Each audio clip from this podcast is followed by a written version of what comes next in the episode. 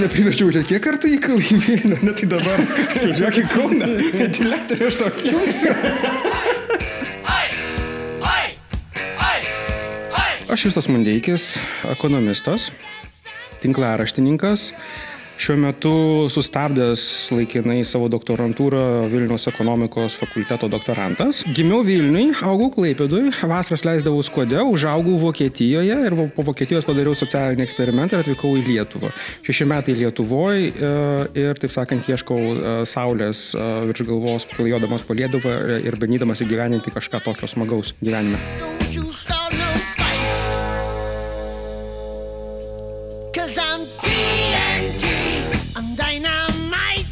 Jo, aš nežinau, man kartais išslysta, kai aš, kai aš, kai aš jau tos šitos dalykus pradedu galvoti, kai man, kai man pasirgiečiai paskambina, pas mane pasipila.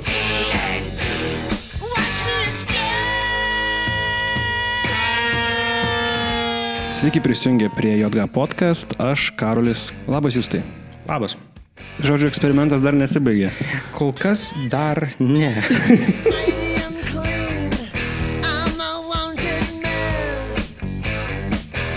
Kaip pastebėjo įrašas su keiksmažodžiais ir taip toliau? Prisižiūrėti savo kalbą, ar ne? Kol kas jų nėra buvę įraše. Pasakykite apie tai, ką tu pusę metų kalbėjai. Jau, žinok, skamba kaip pastovi kuolį pasakyti. Tai e, jūs tai daugiau negu prieš pusę metų tu kvietėjai profesinės sąjungas, nevyriausybinės organizacijas prie vieno dėrybų stalo, kur jos susėdusios e, aptartų esminius viešojo sektoriaus klausimus nu, kurie lemtų viešojo sektoriaus Lietuvoje ateitį. Kodėl? Tai aš pabandysiu tokius šiek tiek didesnių kampų prieiti prie tos istorijos, kaip aplamai prie su to mes prieėm. Aš turiu pažįstamą, kuri šiaip gyveno JAV, jinai grįžo į Lietuvą, jinai paskui išvyko į daryti doktorantūros, vėl grįžo. Ir mes nekartą diskutavom, kaip reikia Lietuvoje progreso, nes, na, kai tokie, sakykime, taip, intelektualūs žmonės grįžta iš užsienio, jie net iš emigracijos, jie natūraliai turi tokį vidinį norą kažką pakeisti, pagerinti, nes jie atsiveža savo, savo know-how, savo, savo požiūrį, tokį labiau galbūt vakarietišką, ne, na, čia prieš kokius gerus dešimt metų. Ir mes išdiskutavom, kad iš esmės, ką reikia padaryti, reikia suburti bendraminčių būrį ir stoti visas partijas liberalai, socialdemokratai, tėvinės sąjungos, nes tada tie tas jaunimas galėtų ten pradėti skverbtis ir, taip sakant, nors per skirtingas partijas, galbūt su šiek tiek skirtingom pažiūrom, bet to vakarietiško modelio, to, to progreso link judėti vienu metu per, per visas partijas. Mes buvom susitikę prieš maždaug porą savaičių ir dieto optimizmo pas mano kolegę jau nebebuvo. Ką mes matome yra tai, kad nu, tos partijos yra tokios, kokios jos yra, jos yra ganėtinai stagnuojančios, jos absorbuoja tas visas jaunas mintis ir kai pas mus partijos atsinaujina, tai mes matom, kuo tai baigėsi. Jeigu atsinaujina socdemai, tai, na, tai tie patys veidai, kurie jau, jau keliasdešimt metų Lietuvos politikoje, jie yra topę, demokratijos ten nepadaugėja, jeigu mes pažiūrim, kas nutinka su Tevinė sąjunga, matom lygiai tą patį, ar ne, ateina, jeigu ir pritraukia kažkokį jaunimą, nuleidžia, pavyzdžiui, kažką ten iš Briuselio tiesiai į, į, į, į nacionalinę politiką Lietuvoje tai nutinka taip, kad galų gale kažkas, kas jeigu negauna kažkokio ministro posto, tai jau ten po pusmečio ir taip toliau jau bėga iš tos politikos, nes negali gyveninti savo tikslų, siekių ir panašiai. Tai to tokio realaus atsinaujimo nevyksta, partijos yra gana uždaros, jos pačios aktyviai nesirūpina savo jaunimu, tai yra žiaurus, žiauri klaida, man atrodo, Lietuvos nacionaliniai politikoje. Anksčiau buvo darbo partija, jinai turėjo labai stiprią bazę jaunimo, bet kaip dabar jau nebežinau, man atrodo, kad tai gal irgi nebe. Tai va, tai partijos kaip tokios uh, nyksta ir tu supranti, kad to progreso Lietuvoje nėra. Ir prieš gerus metus Vadas Navickas atvyko į Lietuvą ir mes diskutavom, kaip ką būtų galima ir kaip daryti, ar kurti savo nuosavą partiją jam reikėtų, ar, ar su vienais ar su kitais eiti. Na ir aš pasakiau, kad žmogų, kad jeigu tu nori progreso Lietuvoje, tai eiti partiją neapsimoka, eiti į Seimą neapsimoka, nes vienas žmogus ten sėdėdamas iš 141 ne tik tai, turi pirmą tą savo idėjas nuguldyti į kažkokią politinę programą, paskui turi įtikinti savo frakcijos narius, paskui turi įtikinti galbūt visą poziciją ar opoziciją ir panašiai, tai yra žiauriai, žiauriai sunkus darbas. Ir jeigu tu esi vienas su savo, sakykime, progresyviom idėjom, tai tu esi vienas laukienė karys. Tai va, tai aš jums sakiau, kad na, man atrodo asmeniškai, kad sekantis geriausias tada variantas, kaip siekti progreso Lietuvoje, iš tikrųjų eiti yra per profesinės sąjungas. Sakau, įsivaizduok, jeigu profesinės sąjungos, tarkim, turėtų think tanką arba kažką tokio, arba pačios profesinės sąjungos tiesiog nubražytų politikams gairias, ir sakytų, va štai čia yra, kas atspindi Lietuvos visų darbuotojų, kurie kartu yra rinkėjai, interesus, ar ne? Sakau, tai tada realiai, jeigu, pavyzdžiui, nežinau, profsąjungos kažkokias tokias mintis nubraižo, tai visos partijos, kurios dedasi esančios kairiosiomis, nebegali tų gairių, kurias nubraižė ženkliai paprastesnės organizacijos, ignoruoti. Nes tada jau toks nugaunasi, nu kaip jie, jie prieš profsąjungas eina tada, nu tai savai mes suprantama, kad tada tai būtų toks variantas, kaip galima tą progresą gyveninti. Tai iš tos pusės aš manau, kad Lietuvoje profesinės sąjungos yra labai silpnos ir joms reikia šiek tiek padėti. Tai aš kažkaip taip su tom profesiniam sąjungom taip ir, ir įsitraukiau. Sakai, silpnos profesinės sąjungos. Apskritai dabar, man atrodo, tendencija yra ir vakarų pasaulyje, Europos sąjunga, Australijoje. Profesinės sąjungos prarandančios tokį savo aktualumą. Ta prasme, kad yra mažėjantis narių skaičiai, didėjantis amžiaus vidurkis. Ar nėra apskritai taip, kad profesinė sąjunga šiandien dabartiniai visuomeniai praranda kažkokį savo aktualumą ir tampa tiesiog praeities kažkokiu reliktų? Na, tas visuomenių senėjimas, tai jis yra visur ganėtinai paplitęs, ar ne visos visuomenės, didžioji dauguma vakarų visuomenių sensta, tai natūralu, kad tas irgi. Bet aš manau, kad iš esmės profesinės sąjungos tiesiog padarė tai, ką padarė politika. Jie tiesiog užsisidėjo, kai buvo labai patogu, įsitvirtino ir jie nieko nekeičia ir jie, ir jie, ir jie nesitransformuoja. Jie negalvojo, kaip, kokia, kokia profesinė sąjunga turės būti 21 amžiuje. Ypatingai kas, kas liečia Lietuvą. Vakaruose tai nežinau, pavyzdžiui, man regis Danijoje, SPD ar socialdemokratai ten tie vietiniai į kažkokį politiką ar, ar, ar merą siūlo vietinės profesinės sąjungos pirmininką. Tai matosi, kad tas bendradarbiavimas tarp politikos kairiųjų ir, ir profsąjungų yra ganėtinai stiprus. Tai aš ko gero negaliu labai te, nei teikti, nei kaip yra vakaruose, bet Lietuvoje tai mes matom tiesiog tą variantą, kad tiesiog profesinės sąjungos nepritraukia jaunimo, nes jos visiškai nesiangažuoja tose temose ir visiškai nu, neengagina to, tos, tos, tos auditorijos. Ir tada savame suprantama, kad niekas nesupranta, ko tą profesinę sąjungą reikia stot, nes ypatingai daug naudos profesinės sąjungos Lietuvoje nu, neduoda iš tikrųjų. Mhm. Galų gale šakos sutartis, pažiūrėjau, kurią išsikoja profesinė sąjunga, juk jos nešama naudą gauna faktiškai visi. Ir tu, pavyzdžiui, būdamas jaunas žmogus, nu kam tau dar ten mokėti kažkokius kažkam iš algos savo pinigėlius, jeigu ir taip tu gauni tas pačias privilegijas. Jo, tai buvo vienas iš tų aspektų, kai, vat, kaip minėjus, kai susidinau prie palaus stalo visas profsąjungas, vienas iš punktų ir buvo, kaip Lietuvoje turėtų būti aplamai finansuojamos profesinės sąjungos. Šiuo metu yra įgyvenintas variantas, jog fiziniai asmenys gali tą savo dalį sumokėto GPM perleisti profesiniam sąjungom. Aš tai vadinu gana liberalių modelių, nes pirmą reikia mokėti šis deklaruoti pajamas, visą tą internetu užpildyti, turint omenyje, kokia yra tipinė profesinių sąjungų, tas men, narių demografinė sudėtis, tai na, akivaizdu, kad tai nėra labai tinkamas metodas. Iš kitos pusės, Lietuvoje profesinės sąjungos yra įstatymų įpareigotos nacionalinės profesinės sąjungos vykdyti šitas dėrybas ir atstovauti visus, nors visiškai jokios kitos naudos jos tiesiogiai negauna. Už tai mano pasiūlymas ir buvo, kad na, galbūt reikėtų galvoti apie kažkokį kitokį finansavimo modelį, kuris ir padėtų profesiniam sąjungom aukti ir skatintų kartu jas ir konkuruoti ir kartu galų gale valstybė tada prisidėtų tikrai to žodžio prasme prie šito socialinio dialogo stiprinimo. Mhm.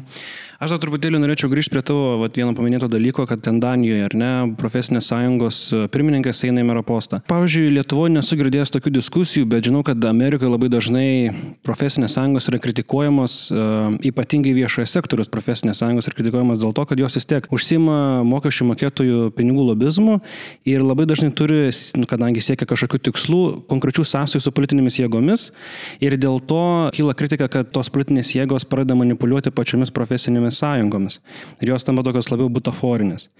Ar nėra taip, kad Lietuvoje mes irgi, kadangi turim labai išplėtotą viešai sektorių, mūsų profesinės sąjungos yra nuėjusios panašių kelių ir labiau tapusios, nežinau, politinių jėgų kažkokių manipulacijos objektų?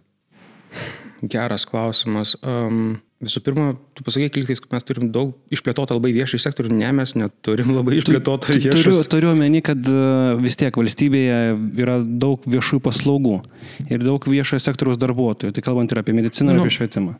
Jo, bet jeigu mes palyginsime su kitomis ES šalimis, pamatysim, kad pas mus tikrai nėra daugiau negu vidurkis. A, tai tas metas, tą, tą naratyvą aš laikas sulinkęs biški pagriauti, nes, labai, nes šitą naratyvą labai pastoja visur girdžiu ir matau, ypatingai su kokiuose Delfi komentaruose ir panašiai, kai žmonės pradeda aiškinti, kad Lietuvoje yra daug pašalpinių ir prie pašalpinių dar priskiria ne tik socialinę pašalpą gaunančius asmenys, bet ir visus valstybės tarnautojus visą viešai sektorių. Ne, ta prasme, e, Lietuvoje viešasis sektorius yra ganėtinai mažas ir labai stipriai nustekentas tiek finansiškai, tiek žmo, žmogiškųjų uh, išteklių prasme. O profesinės sąjungos, man atrodo, turi tą problemą, kad pas mus nėra profesinių sąjungų, kurios iš tikrųjų specializuotųsi į viešąjį sektorių, bet neimituotų darbo, bet iš tikrųjų dirbtų. Nes mes turime, mes turime valstybės tarnautojų, mes turim pareigūnų, mes turime įvairias, įvairias ir jungtinės, ir nejungtinės profesinės sąjungas, bet jeigu tu jas pakvieti kažkur padiskutuoti apie viešąjį sektorių, jie visi atsisako. Myliu, nemyliu, ten politika, ten ateis kita profesinė sąjunga, ten taip toliau, kažkas tokio. E, ir tas toks myliu, nemyliu Lietuvoje, kadangi Lietuva tokia be galo maža šalis ir visi viską priima labai asmeniškai, galų gale nulėmė, kad to bendradarbiavimo kaip tokio nėra. Ir kitas dalykas, man atrodo, kad aplamai Lietuvoje profesinių sąjungų kaip tokių yra per daug smulkių. Lietuvai reikėtų ženkliai didesnių, bet specializuotų į viešai sektorių. Ne taip, kad, nežinau, LPSK ar Solidarumas, jungtinė profesinė sąjunga, jinai jungia ir viešą, ir privatų, ir taip toliau, ir taip toliau. Ir galų galiai iš viso to jungimuose jie turi visur po, po truputį kažko, bet niekur nieko rimto. Mhm. Gerai, tai aš tada norėčiau, kad mes gal nuėtumėm prie to turinio, apie kurį buvo diskutuota pastarosius pusę metų su profesinėmis sąjungomis ir mes tikrai dar grįšim prie, prie grinai to skaidrumo ir finansavimo profesinių sąjungų. Tai e, gerai, dabar tos problemos, ar ne? Tai viena iš tų problemų, keturių tokių sričių, prie kurių buvo sėsta diskutuoti, buvo darbo normos. Kas Lietuvoje yra negerai su viešojo sektoriaus darbo normomis? Jų tiesiog realiai nėra. Tiesa. Darbo normą aš, e, aš turėjau per visą, tą, per visą tas, tos kelis mėnesius bandžiau darbuotis su profesiniam sąjungom, tai tą problemą, kad labai sunku paaiškinti žmogui, kuris pasiema dabartinį darbo kodeksą ir ten yra kažkas tokio kaip darbo norma, jis nesupranta, ką aš turiu minėti su darbo norma. Darbo norma aš turiu minėti, kad tai yra darbo laiko, darbo vietos aprašas, kas priklauso vienai pareigybei, kiek valandų dirbti, kiek kažkokio darbo krūvio turėti ir taip toliau. Man patinka tas tas medicinos pavyzdys, ar ne, kad slaugytoja turi uh, turėti 20 pacientų ar kažkiek tenais, nežinau, dabar fantazuoju skaičius, tai jeigu ten užeina kažkokia gripo epidemija, tai pas ją gali atsirasti ir 40. Na ir jinai nieko nespėja ir jos darbo kokybė krenta. Tai vat, aš, ką aš norėčiau, kad Lietuvoje atsirastų tokios darbo normos, kur būtų aprašyta, kiek žmogus turi turėti kokių pacientų, kiek turi turėti mokinių, kiek turi kažkokių valandų dirbti, kur tai aišku yra įmanoma ir kvantifikuojama. Be abejo, negali vis, visom profesijom sugalvoti darbo normų, bet ten, kur įmanoma, ten, kur įmanoma ir suskaičiuoti, ir patvirtinti, tada tai yra būtina, nes tai yra labai svarbi, dedamoji siekiant užtikrinti kokybę. Nes jeigu yra na, persidirbę darbuotojai ir jie nieko nespėja, tai galų galia tada ir kokybės nebelieka. Čia turbūt reikia ir nepamiršti to, kad turėtų su darbo krūvio tokių vad neplanuotų didėjimų keistis ir darbo užmokestis. Ir nuo to neturėtų nukentėti darbuotojas ir tai daugiau turėtų būti drausminė priemonė pačiam darbdaviui, kad jisai imtųsi ilgalaikio turbūt problemų sprendimų. Jo, matai, šiaip e, idėja buvo tokia, kad jeigu darbdavys nesugeba tau užtikrinti tavo pilno darbo krūvio, ta prasme, na, tarkim, tave nusamdo pilno totu, bet, ten, bet to pacientai netvyksta, kaip dabar, va, dabartinėme finansinėme modelėje, vilgonė pajamų negauna ir dar neaišku, iš ko atlyginimus mokėti. Tai problema yra ta, kad, na, mano supratimu, kad aplamai gydytojas turėtų gauti arba, nesvarbu, medicinos darbuotojas savo mėnesinį pastovų, nekintantį atlyginimą ir už jį tiesiog dirbti. Gydymo įstaigos vadovas, kuris šiaip turėtų būti galbūt net ne gydytojas, o kažkokia kažkas, kas išmano, kaip reikia menedžinti tokią instituciją, yra baigęs ar sveikatos ekonomiką, ar vadybą ir taip toliau ir to mokėtų daryti, siektų užtikrinti, kad jo darbo jėga ir jo visi turimi įrenginiai infrastruktūra būtų kuo galima efektyviau panaudojami. Ir taip, ir jeigu jis tam, kad taupyti ir nesamdyti papildomų žmonių, deda papildomus virškruvius, tada buvo taip idėja tokia, kad kai yra tam tikra prasme viršėjama ta darbo norma, kad darbdavys būtų šiek tiek labiau baudžiamas ir, tas, ir turėtų daugiau mokėti, negu kad jis mokėtų vien tik tais už viršvalandžius, kuriuos jis susimoka. Bet darbdaviui, kad tai labiau kirstų per kišenę ir kad tai skatintų geriau jau nusamdyti kažką dar papildomų vieną tatu e, ir taip siekiant išvengti, jog žmonės tiesiog perdegtų. Mm. Aš tai pritarčiau, turbūt tai būtų vienas iš decentralizuotos valdymo sistemos įrankių, kaip truputėlį sureguliuoti darbo krūvius, nes vis tiek, tu ir paminėjai labai esminį momentą, nuo to kenčia paslaugos kokybė. Tai gali būti įvairi paslauga, tai gali būti švietimo ar ne kažkokia paslauga, bet galų galia tai gali būti ir medicinos kažkokia paslauga.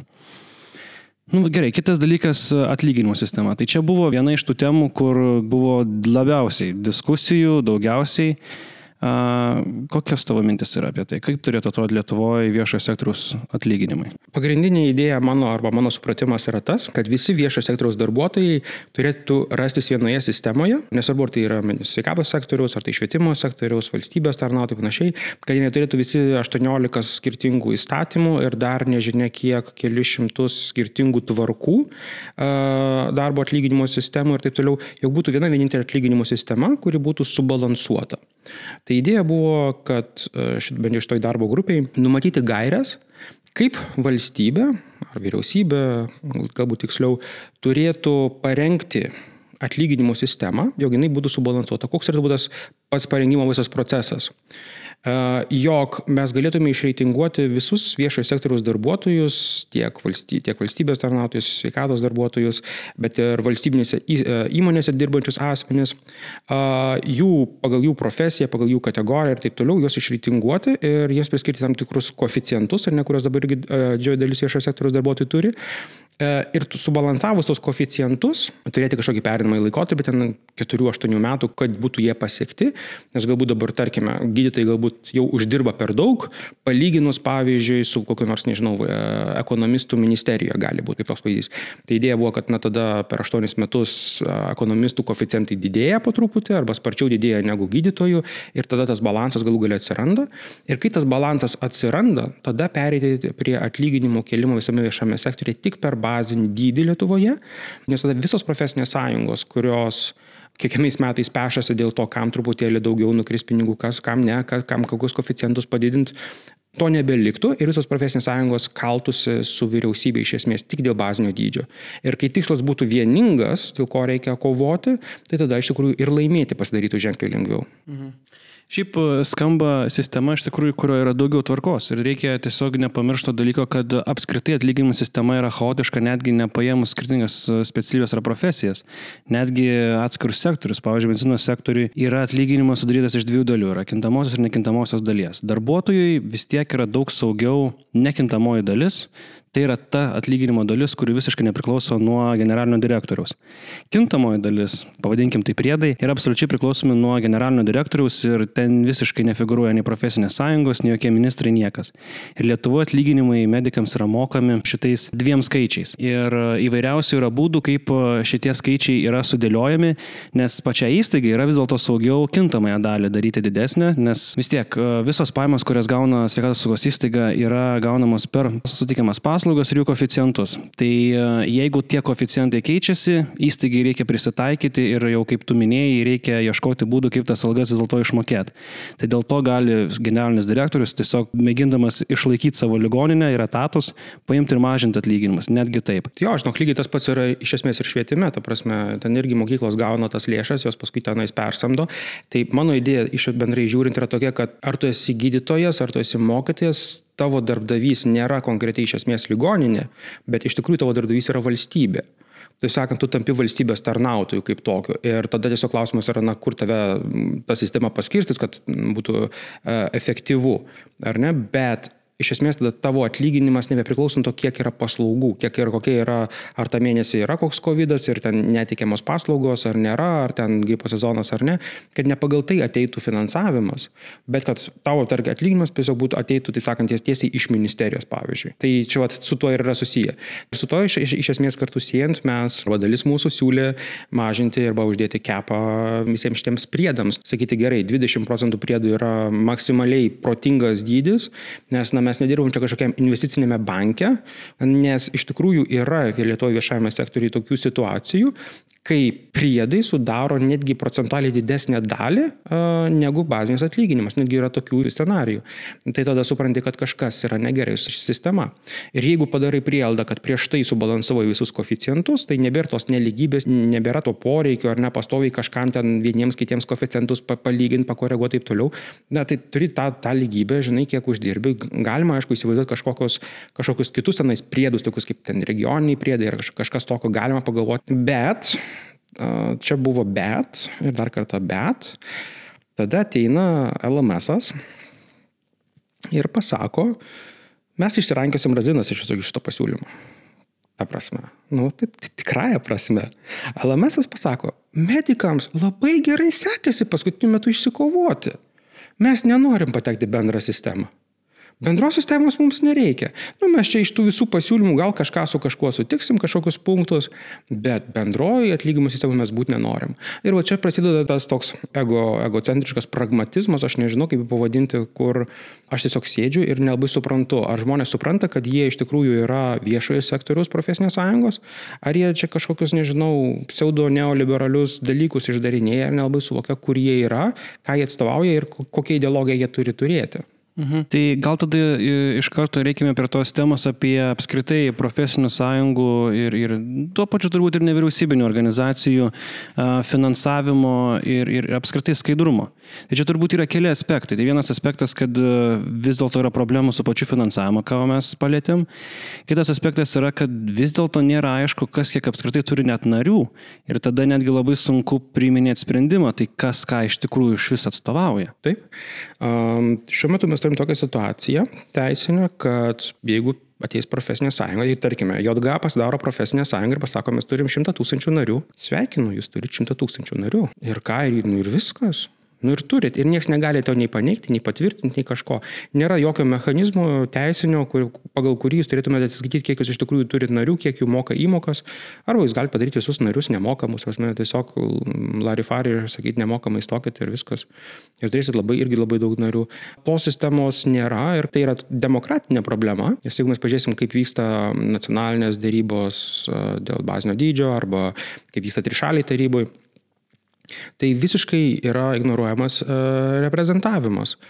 Yra galbūt profesinė sąjunga, kuri turi tris kartus daugiau narių, bet jos balsas yra tiek pat vertas kaip kitų mažų profsąjungėlių, nes nėra aišku, kas kiek narių turi. Dar tas mažos profsąjungėlės, sakau, pasididina, pasako, kad turi ženkliai daugiau narių ir viskas. Tada yra ta situacija, kai tiesiog balsų daugumą yra kažkokie sprendimai priimami.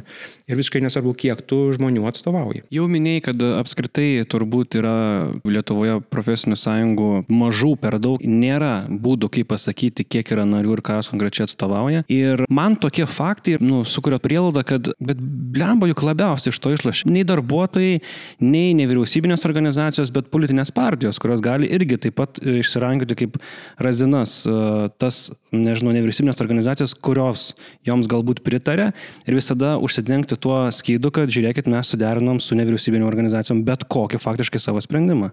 Būtent taip ir vyksta. Jeigu pažiūrėsim, kas vyko švietime, tai kai vyko ten visi tie streikai ir taip toliau, mes matėm, kad Navicko profsąjunga barikadavosi, protestavo ir taip toliau.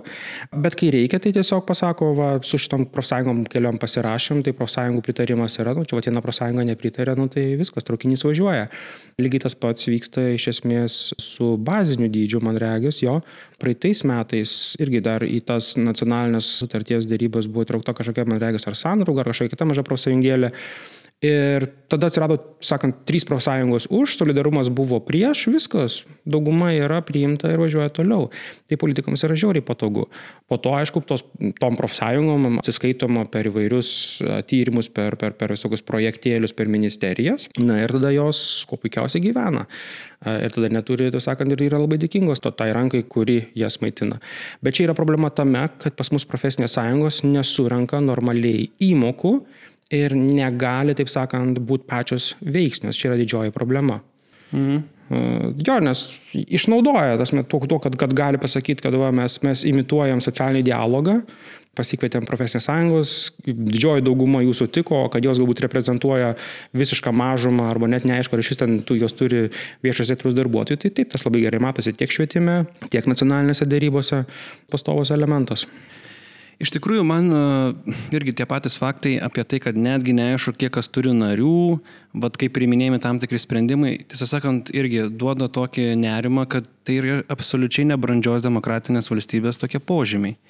Man atrodo, kad jeigu tikrai būtų interesas, kad valstybėje funkcionuotų profesinės kažkokios sąjungos nevyriausybinės organizacijos, tai visų pirma jos turi būti skaidrios. Kaip čia dabar gaunasi, kad 30 metų nepriklausomybės ir mes neišsprendžiam šito klausimo? Tai galbūt irgi yra tam tikras patogumas tiek profesiniams sąjungoms, šiuo metu toks status quo, tiek to pačiu politinėms partijoms ir mes to gyvenam tokioj neskaidrioj simbiozijai. Taip, profesinės sąjungos, kaip jos iš esmės kaip aš suprantu, dažniausiai veikia. Jos turi kažkokius mažus vietinius skyrius, darbuotojai perveda į tos vietinius skyrius atlyginimus, tada tie vietiniai skyriai perveda kažkokią dalį centriniai būstiniai, kurie iš esmės turi visą pagrindinį darbą iš esmės nudirbti. Kiek sąžininkai, kiek nesažininkai perveda yra vėlgi klausimas. Kadangi kad galbūt reikėtų keisti mechanizmą ir aš buvau pasiūlęs, kad mechanizmas eitų tiesiog automatiškai, kaip yra pervedama į antrą pakopą, kad lygiai taip pat automatu būtų sugalvotas mechanizmas ir to mechanizmo tiesiog būtų automatiškai pervedama į profsąjungą ir galbūt netgi automatiškai išskirstomos tos lėšos lėšos, kad baigtųsi tas dalykas, tada mes matytume ir kiek mes turime žmonių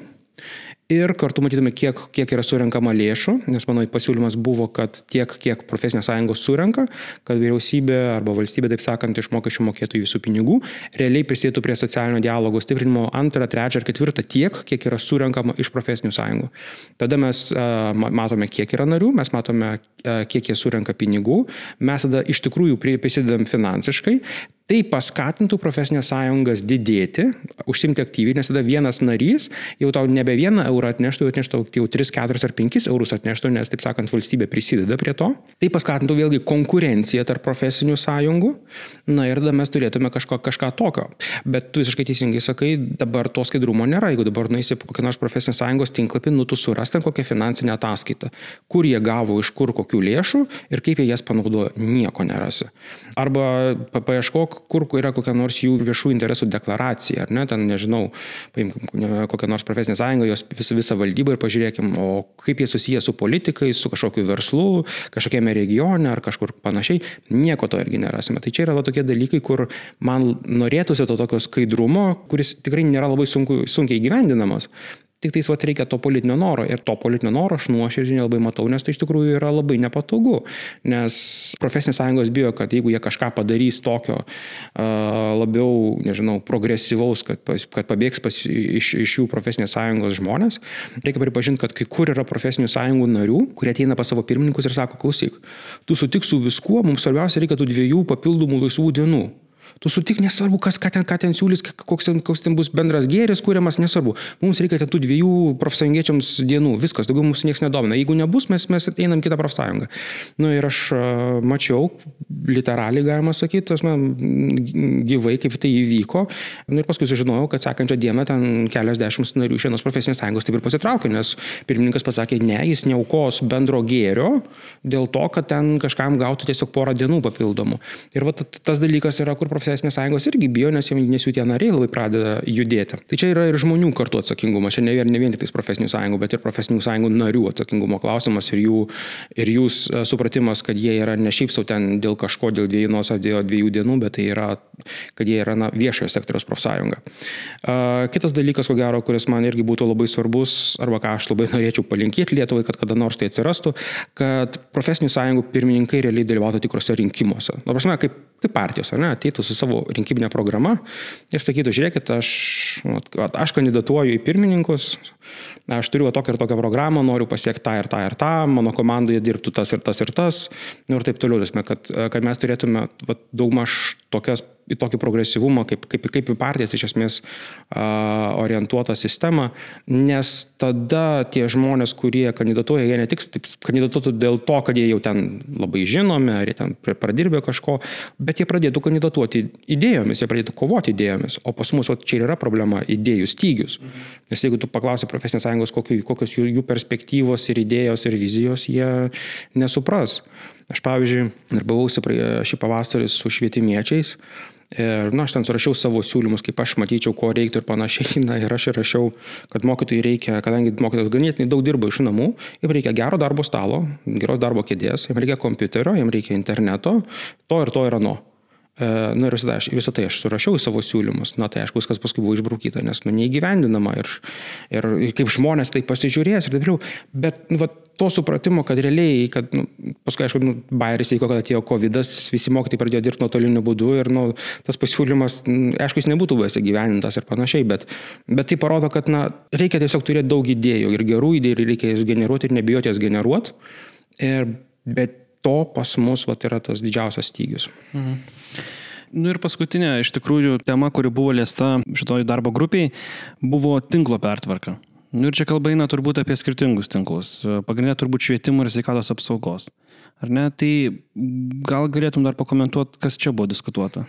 Čia pagrindinė diskusija iškilo, kaip profesiniam sąjungom neprarasti įtakos tame, kaip yra tvarkomas, optimizuojamas, tabu nebijom iš to žodžio, ar net tinklas, bet kartu užtikrinti, jog tas tinklas būtų kokybiškas, efektyvus, ilgalaikis, tvarus tiesiog paimti ir uždaryti mokyklas nėra prasmės. Reikia padaryti kašnalos analizę, reikia išanalizuoti demografinę, pavyzdžiui, raidą, tarkim, mokinių, ar ne, norint žinot, kur kiek bus mokinių ir kokių mokyklų jiems reikės, tarkim, už 5, už 10, už 15 metų, nes nu, negalėtų taip pastoviai statyti ir greuti mokyklą arba jų uždarinėti. Tai idėja buvo tiesiog pradėti diskutuoti, kokias reikia gairias parengti arba ko reikia iš vyriausybės reikalauti, kaip profesinės sąjungos turi šitam visam procesą dalyvauti. Ir ko gero pagrindinis, pagrindinis klausimas buvo, kuris buvo svarstytas, kas turėtų būti atsakingas atsakingas aplamai už tinklo reformą, nes dabar mes turime situaciją, kad mokyklas, taip sakant, valdo savivaldybės, didžiąją daugumą gydymo įstaigų irgi valdo savivaldybės, jos tiesioginio pavaldumo ministerijai neturi.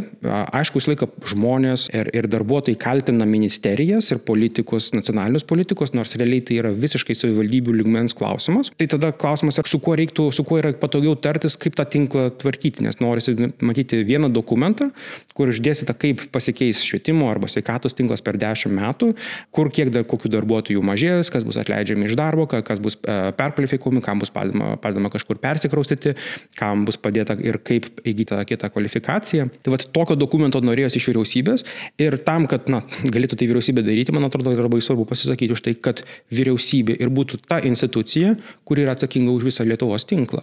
Aš suprantu, tarkime, socialdemokratų tą norą, kad, na, kiekviena ten savivaldybėlė ir ten, nežinau, komunėlė ten iš esmės tvarkytųsi savaime, bet problema yra ta, kad na, tinklas ir visa šita infrastruktūra, jinai nėra, savivaldybė nėra pajėgi pakankamai efektyviai to tvarkytis.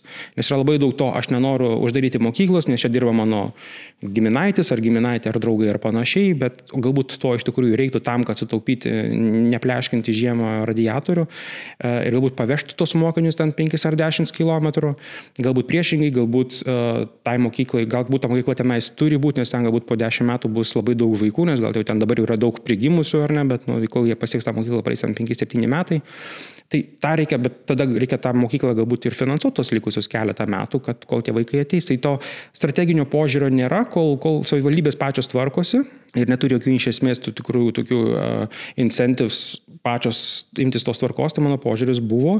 Ir iš esmės buvo bendras sudarimas, kad iš tikrųjų tinklas turėtų būti valdomas iš centro, nes tada ir tartis nereikia su 60 skirtingų savivaldybių, o tiesiog su viena, su viena, su viena ministerija. Mhm.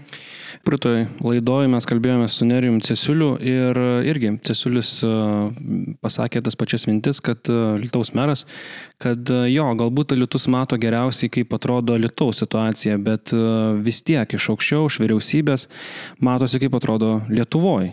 Ir Lietuvos savivaldybė jinai negali, tiesiog neturi galimybių priiminėti sprendimų, kurie lemtų Lietuvos, pavyzdžiui, tinklą.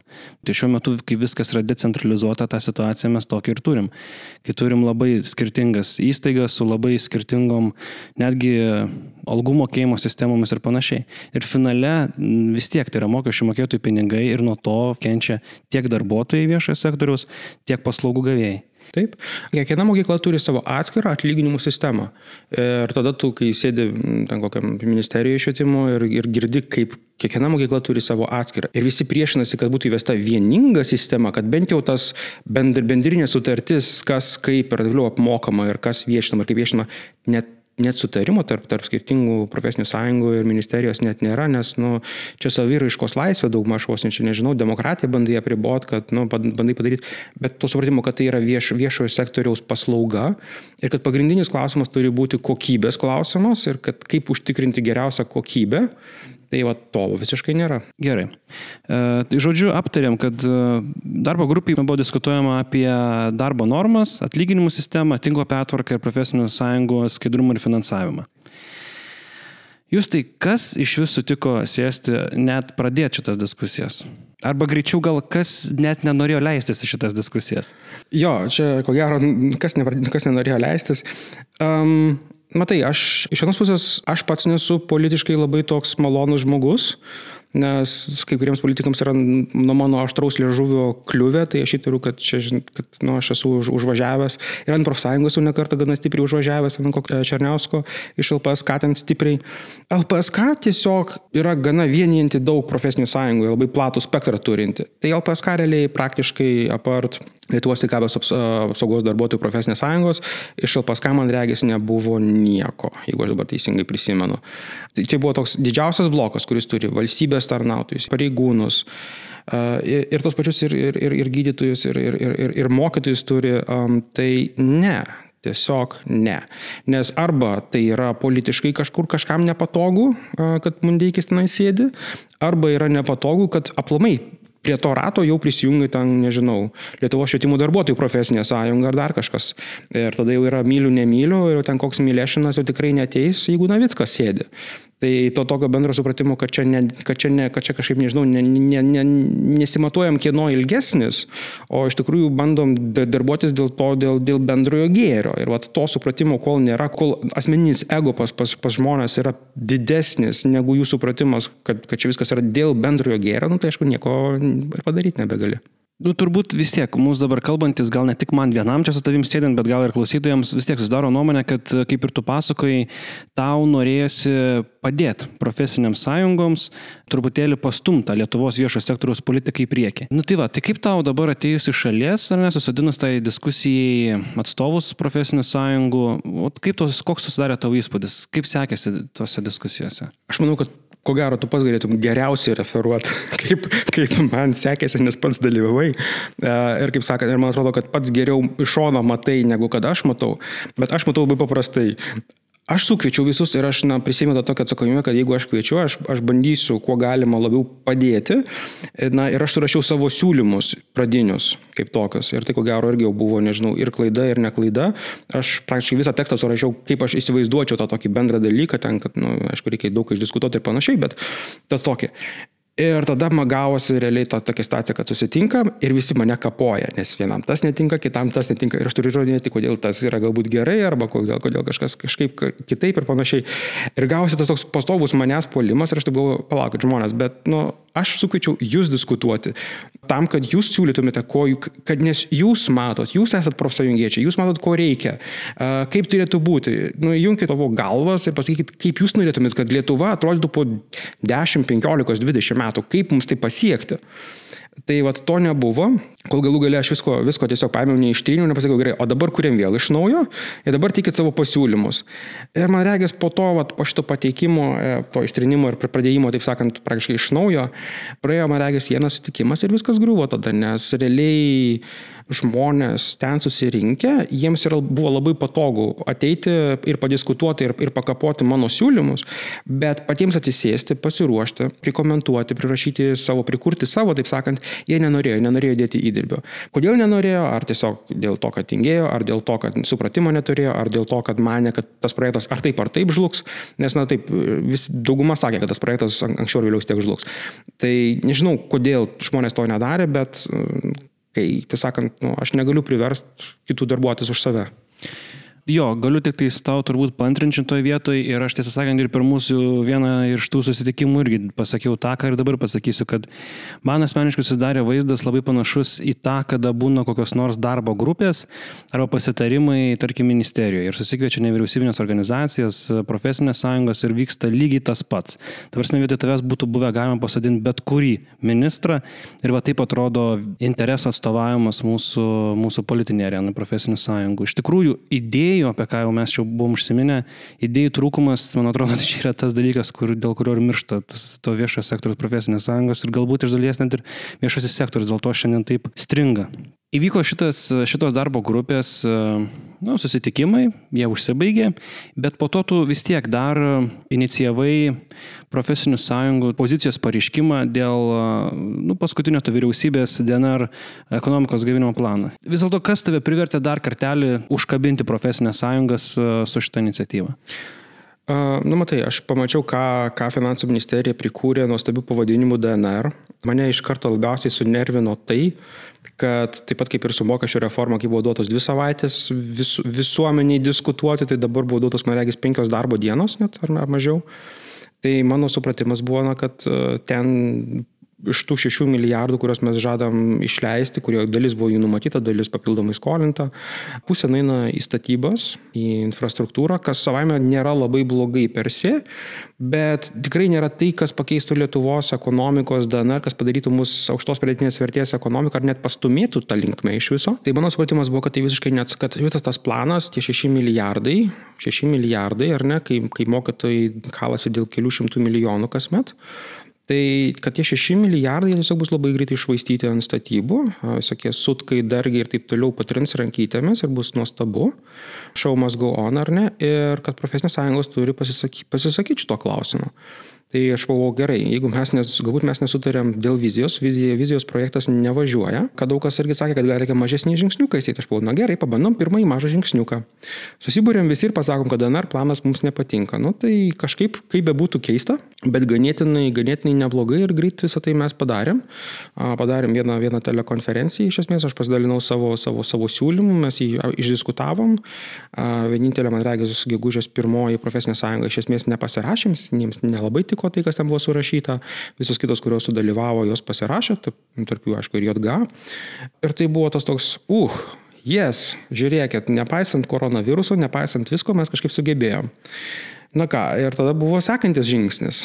Tada buvo sekantis žingsnis, dabar šiuo metu vyksta, arba teisiškai iki, iki šios uh, pavasario sesijos pabaigos Seimas turi uh, patvirtinti bazinį dydį sekantį metam, nuo kurio priklauso didžiosios dalies viešo sektoriaus darbuotojų atlyginimai. Ir jeigu nacionalinėje kolektyvinė sartis nėra pasirašoma, jeigu profesinės sąjungos vyriausybė nesutarė, tada tiesiog vyriausybė teikia savo siūlymą ir Seimas turi tam tą pasiūlymą priimti. Pas mus tikėtis, kad ko gero bus priimta neverta, nes vyriausybė, vyriausybė tempia gumą, sako, kad laukia Liepos ekonominių išvadų, finansinių prognozų ir taip toliau. Šiuo metu egzistuoja tokios, sakykim, taip, tokios povandeniniai, tokios, tokie pašnekėsiai, kad ko gero bazinis dydis kitais metais viešajam sektoriui nelabai didės. Tai reiškia, kad vėl viešojo sektoriaus darbuotojai nukentės, nors labai neaišku, ar tos prielos yra pagristos ir tikrai neturėtų didėti. Tai mano pasiūlymas buvo gerai Jeigu pavyko su DNR mums kažkaip susėsti ir, ir sutarti ir, ir, ir kažką bendro sukurti, tai gal mes galim dabar pagaliau vieną tą punktą iš tos vat, profesinių sąjungų vizijos to projekto viso išsiimti, kuris yra bazinio dydžio indeksavimas ir sakyti gerai, mes profesinės sąjungos sutarėm, susėdam, sutarėm ar ne, kokio mums reikia indeksavimo, kaip tas mechanizmas turi atrodyti, kad jis galbūt jis gali būti panašus į minimalos atlyginimų indeksavimą ar pensijų indeksavimo mechanizmą Ir tada sakom, profesinės sąjungos atsistoja ir sako, va, mes norim indeksavimo, va, mes norim tokio indeksavimo, galim tai diskutuoti, aišku, su vyriausybė. Ir pagal šitą indeksavimą kitais metais mūsų bazinis dydis yra, ten, nežinau, 195 eurai, tarkime. Ir tada tai būtų bent jau pareiškimas. Ir tada, nu, tada, jau, tada jau galima sėsti prie dėrybų stalo su vyriausybė. Kas, kas įvyko, įvyko labai įdomus dalykas. Aš išsiunčiau visoms profesinėms sąjungoms, kurias aš žinojau. Facebook'e užteginau visas, kurias žinojau. Ir prašiau visų pasidalinti, su kuo tik tais gali. Įvyko labai įdomus dalykas. Vienintelė užsirašusi organizacija toms diskusijoms, ar ne, aptarti, kaip tas indeksavimas turėtų veikti, buvo jaunųjų gydytojų asociacija. Toje vietoje aš taip susimaščiau, pagalvojau, ištariau tos negražius, ne visai lietuviškus žodžius ir nusprendžiau, kad aš gal kurį laiką dabar su viešoju sektoriu nebeužsiimsiu. Nes tiesiog tu darai tokiais mažais žingsniukais, tu beveik, beveik atneši, nes reikia noriu tiesiog paminėti, kad šiaip tiek LPSK, tiek solidarumas žino, kad aš iš esmės buvau parengęs indeksavimo mechanizmą. Aš jiems buvau matematiškai viską pristatęs ir paskaičiavęs ir parodęs, kaip jis tai galėtų veikti. Pasme, tai net, net, aš nors aš ir kvietime siūliau juos pačius gal gal galia pristatyti savo idėjas ir vizijas. Jeigu jie labai tingėtų, tai net to daryti net nereiktų, tiesiog reiktų pasimti tai, jau, kas jau buvo mano kažkadaise siūsas, sakyti, nu gerai, va, ta, tas, tas, tas nepatinka, va, čia gal patobulinam ir viskas. Bet to nėra. Jūs tai yra vilties? Kada? kokia, kokia, kokiam, kokia, kokioj laiko perspektyvoje yra ko gero geriausias klausimas? Nes yra daug jaunų, protingų, gabių žmonių. Visuomeninės apklausos rodo, OECD tyrimai rodo, kad jaunimas pasitikė profsąjungom ir taip toliau. Ir aplamai turim ganėtinai aktyvų jaunimą, ką parodė eisena prieš rasizmą Vilniuje ir taip toliau. Jaunimas yra, jis yra aktyvus, tik reikia jį mokėti traukti. Ir va čia yra, vėlgi mes grįžtam prie to, kad reikia turėti idėjų, kaip jaunimą įtraukti ir kaip reikia ir ką reikia su to daryti. Ir aš neprarandu vilties, kad kažkada kažkas įvyks. Tačiau jeigu aš dabar turėčiau nuoširdžiai pasakyti, ar aš manau, kad tas progresas įvyks labai greitai, aš to labai abejoju. Galbūt mes galime kalbėti apie vieną kitą profesinę sąjungą, kuri dar yra tokia progresyvesnė ir galbūt mąstanti ir suprantanti, bet labai daug profesinių sąjungų iš tikrųjų yra tų, kurio, kurioms tiesiog reikia leisti numirti ir kad jų vietą užimtų kažkas, kas, kas yra efektyvesnis. Kaip ir tu užsiminė, iš tikrųjų yra to jaunimo, bet e, tą jaunimą reikia įtraukti ir, tą, ir su to jaunimu iš tikrųjų reikia dirbti. Ta prasme, niekas ir iš dangaus nenuleis nei tų jaunų protingų žmonių, nei tų progresyvių žmonių. Taip, bet, um, bet čia yra ta, ta vieta, kur aš manau, kur Lietuvos profesinės sąjungos labai feilinas iš tikrųjų, nes jeigu pažiūrėsim, kiek pas mus profesinių sąjungų vykdo kažkokius mokymus savo nariams. Ir nekalbu vien apie kokią nors ten teisės mokymą, kad jie ten suprastų, kaip, kokios yra jų teisės, bet kad lavintųsi, augintųsi savo profesinės sąjungos e, instituto ar ne darbuotojus, kad juos mokytų, nežinau, kad tebūnė ir kažkokios ekonomijos, teisės, kad lavintų juos dėrybų procesų ir taip toliau. Yra tokių, tokių imituojančių renginukų, jų, jų pasitaiko, bet kažko tokio rimto ne. Ir labai panašią diskusiją mes turėjom beje su, su Gintautu Palucku prieš gerus metus. Mes kalbėjom, kad ko Lietuvos partijoms iš tikrųjų reikėtų, arba ką aš sadzebams siūliau pasidaryti, tai Mano vienas pažįstamas darbavosi, man regis, Ernst ir Young ir jie tenais vaikšto visokius kursus arba internetinius kursus turi ir uždirbinėja bedžius visokius, ten, nu, sidabrinis, auksinis, platininis. Ten, aš kažkada mano kolega buvo, man regis, platininių ekonometrikų, ekonomistų ar analitikų, kažkas tokio. Sakau, kodėl partijos negali kažko panašaus padaryti? Pas man, nu, vat, vat, jaunimas ten ir taip toliau lankė kursus, pavyzdžiui, ekonomikos, filosofijos, teisės, tartautinės teisės, tartautinės politikos, galima kažkokius summer schoolus padaryti ir panašiai. Ir tada žmonės, taip sakant, užsidirba ir pagal tai, kaip jau, ką jie užsidirba, jie galų gale partijų kažkokį, kažkokį reitingavimą įgauna, ar ne, kažkokį, kažkokį uh, kyla tais laipteliais ten, tame sąraše ir panašiai, nebe tai, kad ten, nežinau, tie patys ir tie patys. Galų gale tas pats kelimas būtų paremtas tam tikrą kompetenciją. Būtent, tai, tai būtų aplamai kompetencijų ūkdymas kaip toksai ir galų galėtų matytum, kas tas kompetencijas turi. Ir tada nebebūtų tas, vad, myliu, nemyliu, tu ten, tu man mielas, nemielas, draugas, nedraugas. Bet aš manau, kad profesinės sąjungos iš esmės irgi turėtų ugdyti savo darbuotojus.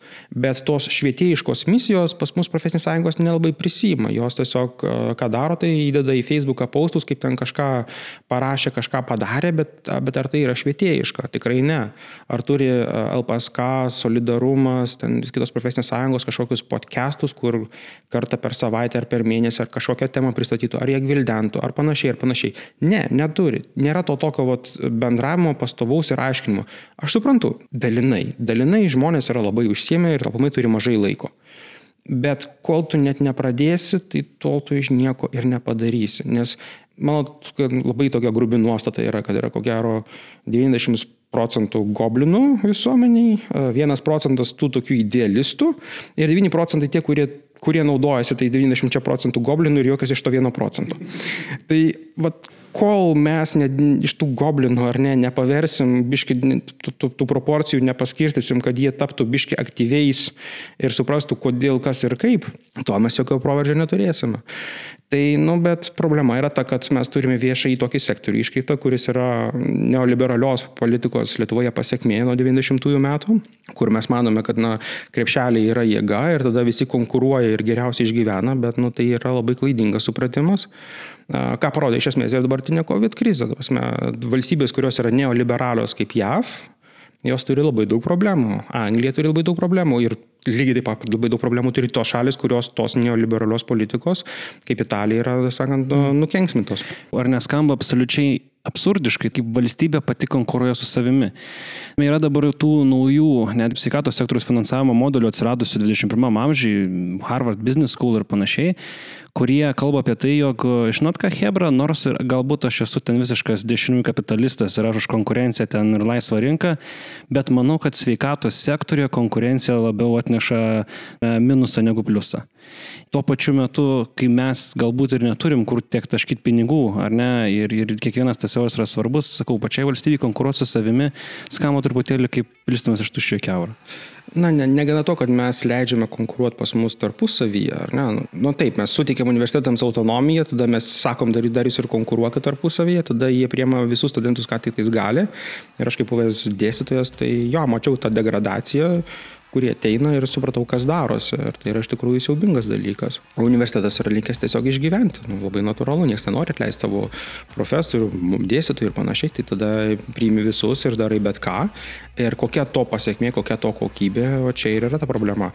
Bet čia yra strateginio nematymo ne, ir neoliberalizmo ideologinė pasiekmė, kad tu nesiorientuotas į kokybę.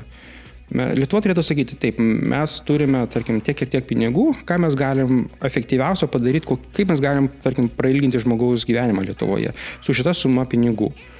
Tai toks požiūris pradėjau, pradėtų labai stipriai keisti, nes tada paaiškėtų, kad galbūt nereikia ten kokio nors, nežinau, čikimiki parato Kaunui, ar ten Vilniui, ar ten dar kam nors, galbūt tada pradėtume matyti visą bendrą sistemą kaip vieningą sistemą. Bet dabar mes matome Vilnių, mes matome Kauną, mes matome kažkokią kitą atskirą savivaldybę ar, ar kažkokias kitas, kažkokias kitas interesų grupės. Gerai, jūs tai. Uh, Buvo malonu. ką palinkėtum jaunų gydytojų bendruomeniai? Aš nežinau, aš, aš nuoširdžiai žinau, ką reikia palinkėti jauniesiems gydytojams. Um, jauniesiems gydytojams, ko gero, reikia palinkėti būti aktyviems. Visą jauną entuzijazmą dažniausiai užgožia ir suryja tas, tas senas gaivalas, kuris tenais, kuris yra likęs iš postsovietinės erdvės. Ir nesvarbu, ar žmonės yra labai aktyvūs savo galvoje, ar tą aktyvumą išreiškia dalyvaudami kažkokiose asociacijose, profsąjungose ir panašiai. Tiesiog likti aktyviems ir, ne, ir nesileisti nužudomiems. Nesakau, kad neprarast vilties. Visą laiką ateina momentai, kai žmonės praranda viltį. Ir pasakyti, kad nepraraskit vilties, nežinau, keistai skambėtų. Ir visą laiką žmonės ir praranda, ir atranda tą viltį. Bet tiesiog nesileisti, esmė, rasti, turėti savo stuburą ir, ir, ir nesileisti, kad, tos, kad tas stuburą kažkas per daug stipriai netapt guminiais. Netap, ja, va, palinkėjimas, palinkėjimas JG. Netapkite tokie guminukai, kaip yra mūsų PR rezidentas. Ačiū Jūs už pokalbį. Nėra už ką.